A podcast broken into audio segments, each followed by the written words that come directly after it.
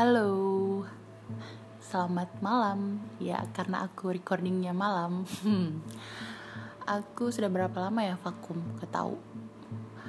Malam kali ini aku mau sedikit ceritain pengalaman horor. Iya, horor gak tuh?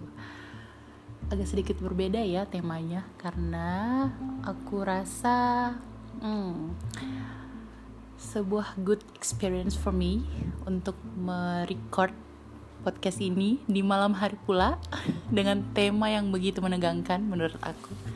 Karena di kamar sendirian buset.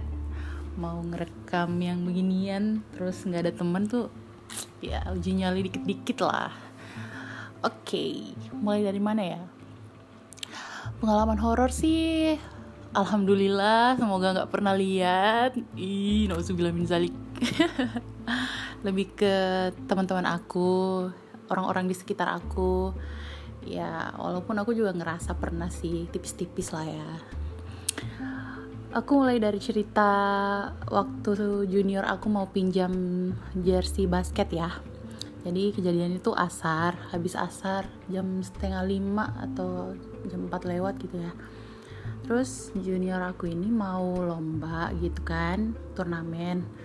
Terus dia mau pinjam jersey aku karena sekelompok itu mau pakai jersey yang warna ungu itu. Ya udah dia datanglah ke rumah gitu kan. Uh, sebelumnya aku ceritain dulu posisinya. Jadi dia itu uh, datang ke rumah nggak masuk sampai ke dalam gitu. Jadi hanya di teras doang. Terus uh, yang anehnya adalah pas dia masuk pagar uh, dia nggak yang pas depan pintu gitu. Jadi depan rumah itu ada teras eh ada teras yang uh, berapa ya itu ukurannya? Pokoknya hanya untuk tehel depan rumah deh pokoknya. Nggak besar besar amat terasnya gitu. Jadi dia kayak pas aku mau ngasih baju si jersey basket itu dia nggak yang nginjak pas depan pintu gitu. Jadi kayak ada space bisa dibayangin nggak? Ya gitu. Terus uh, aku dalam hati kan kayak ih nggak sopan banget nih orang kayak kok gitu posisi ngambilnya? Gitu. Ya udah aku nggak terlalu mikirin sih. Pas dia pulang dia wa lah aku kembali. E, kau ini gimana itu tadi? E, kenapa ada anak kecil yang nongkrong. Main-main tanah. Main-main tanah apa? Garuk-garuk tanah gitu depan pintu Kawidi gitu. Heh ngarang. Anak-anak komplek tuh pada main depan pagar bukan dalam pagar. Aku bilang gitu. Terus dia bilang enggak di depan pintu Kawidi itu uh, ada anak kecil laki-laki jongkok. Terus kayak coret-coret tehel lah gitu. Kayak posisinya jongkok. Terus ya udah coret-coret tanah or something like that gitu. Terus aku ketawa nggak ada yuk. Kan si junior aku namanya Yua gitu kan. Terus uh, aku bilang lah sama dia kamu jangan bikin takut. Heh. Saya di rumah sendirian ini. Terus dia bilang iya kak makanya tadi Yua nggak nginjek depan pintu karena ada anak kecil itu di bawah. Takutnya dia keinjak atau nggak mau kena aja sama dia. Aku cuma menghela nafas ya. Syukurnya kamu nggak masuk dalam rumah saya ya Yua. Ya Allah bisa-bisanya ya. Itu posisinya habis asar loh masih terang. Terus udah gitu uh, aku bilang sama dia terakhir ya kamu datang ke rumah saya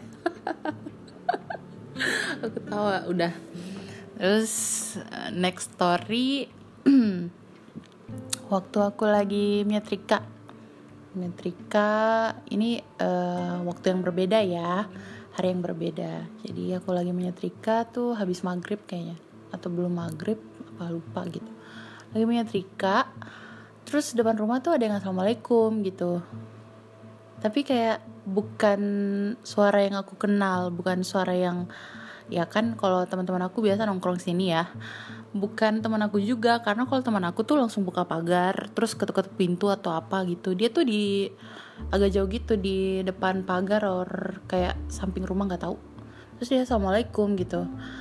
Terus aku sempat ingat kayak kalau misalkan uh, something yang assalamualaikum katanya jangan dijawab nanti malah kaget kita. Gitu. Terus udah gitu hmm apa lagi ya? Aku mau ceritain sih pengalaman teman aku. Jadi dia itu lagi uh, jaga malam karena dia lagi di stase uh, anak untuk teman-teman aku yang mendengarkan ini dan tahu lokasi rumah sakitnya pasti kalian paham lah ya relate super relate banget dengan cerita ini. Jadi teman aku ini jaga malam di bangsal anak gitu kan?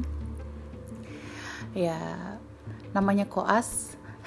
Dan memang kalau di bangsal anak itu uh, selalu follow up jam 6 uh, eh, sore uh, sama jam 12 malam.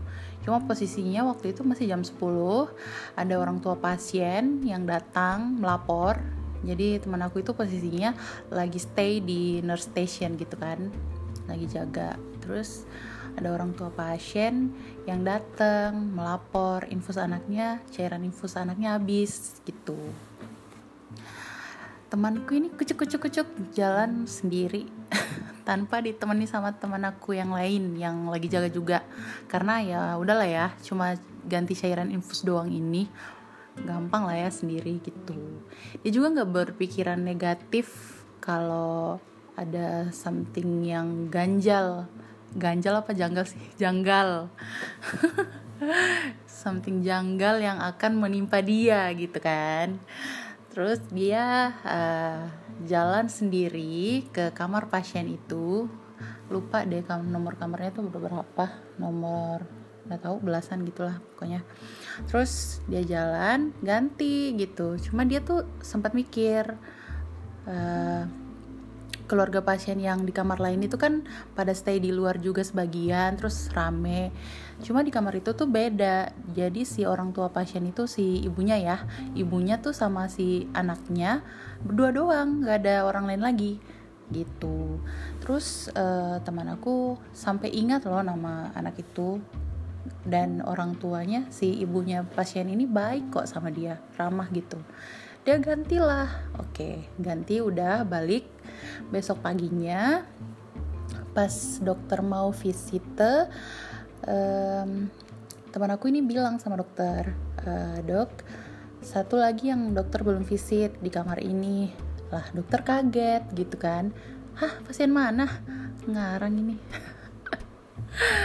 Teman aku bersikeras gitu kan. Ada dok ini si A gitu dokter kaget terus bilang aduh lain kali kalau mau follow up atau apa jangan sendiri ya. Nah, dibilangin tuh sama teman aku dokter bilang sama teman aku gitu. Terus teman aku kaget ada dok namanya ini. Terus dicek lah sama dia. Astaga gak ada. Hey ya allah. Terus teman aku kayak ya allah gimana ini? Ditegur kan dikenalin kayaknya si huntunya berusaha memperkenalkan diri kali sama teman aku. Karena kebetulan juga teman aku itu ha, minggu pertama apa hari pertama lupa. Terus udah gitu hmm, cerita teman aku lagi tapi di lokasi yang berbeda. Jadi waktu itu dia jaga malam uh, jadi kalau stay di perawatan itu uh, jaga malam kan uh, ya tidur tapi tidur tidur yang bisa kebangun gitu loh. Cuma posisinya waktu dia jaga dia memang belum tidur. Sekitar jam berapa ya itu? Jam 1 apa jam 2 malam gitu ya. Di ruang perawatan itu koridornya kan panjang ya terus dia dengar ada berangkar kayak bed pasien gitu yang kayak didorong mau diantar kali ya di ruang perawatan. Ya teman aku ini mikir oh ada pasien baru mungkin gitu. Ditunggulah si berangkar pasien ini gitu. Eh gak datang datang udah berapa lama ditungguin gak datang datang pula itu berangkar. Kayak ya Allah lama banget ya udah temanku uh, mengabaikan itu saja. Oke gitu. Ya tips tipis lah ya. Gitu paling.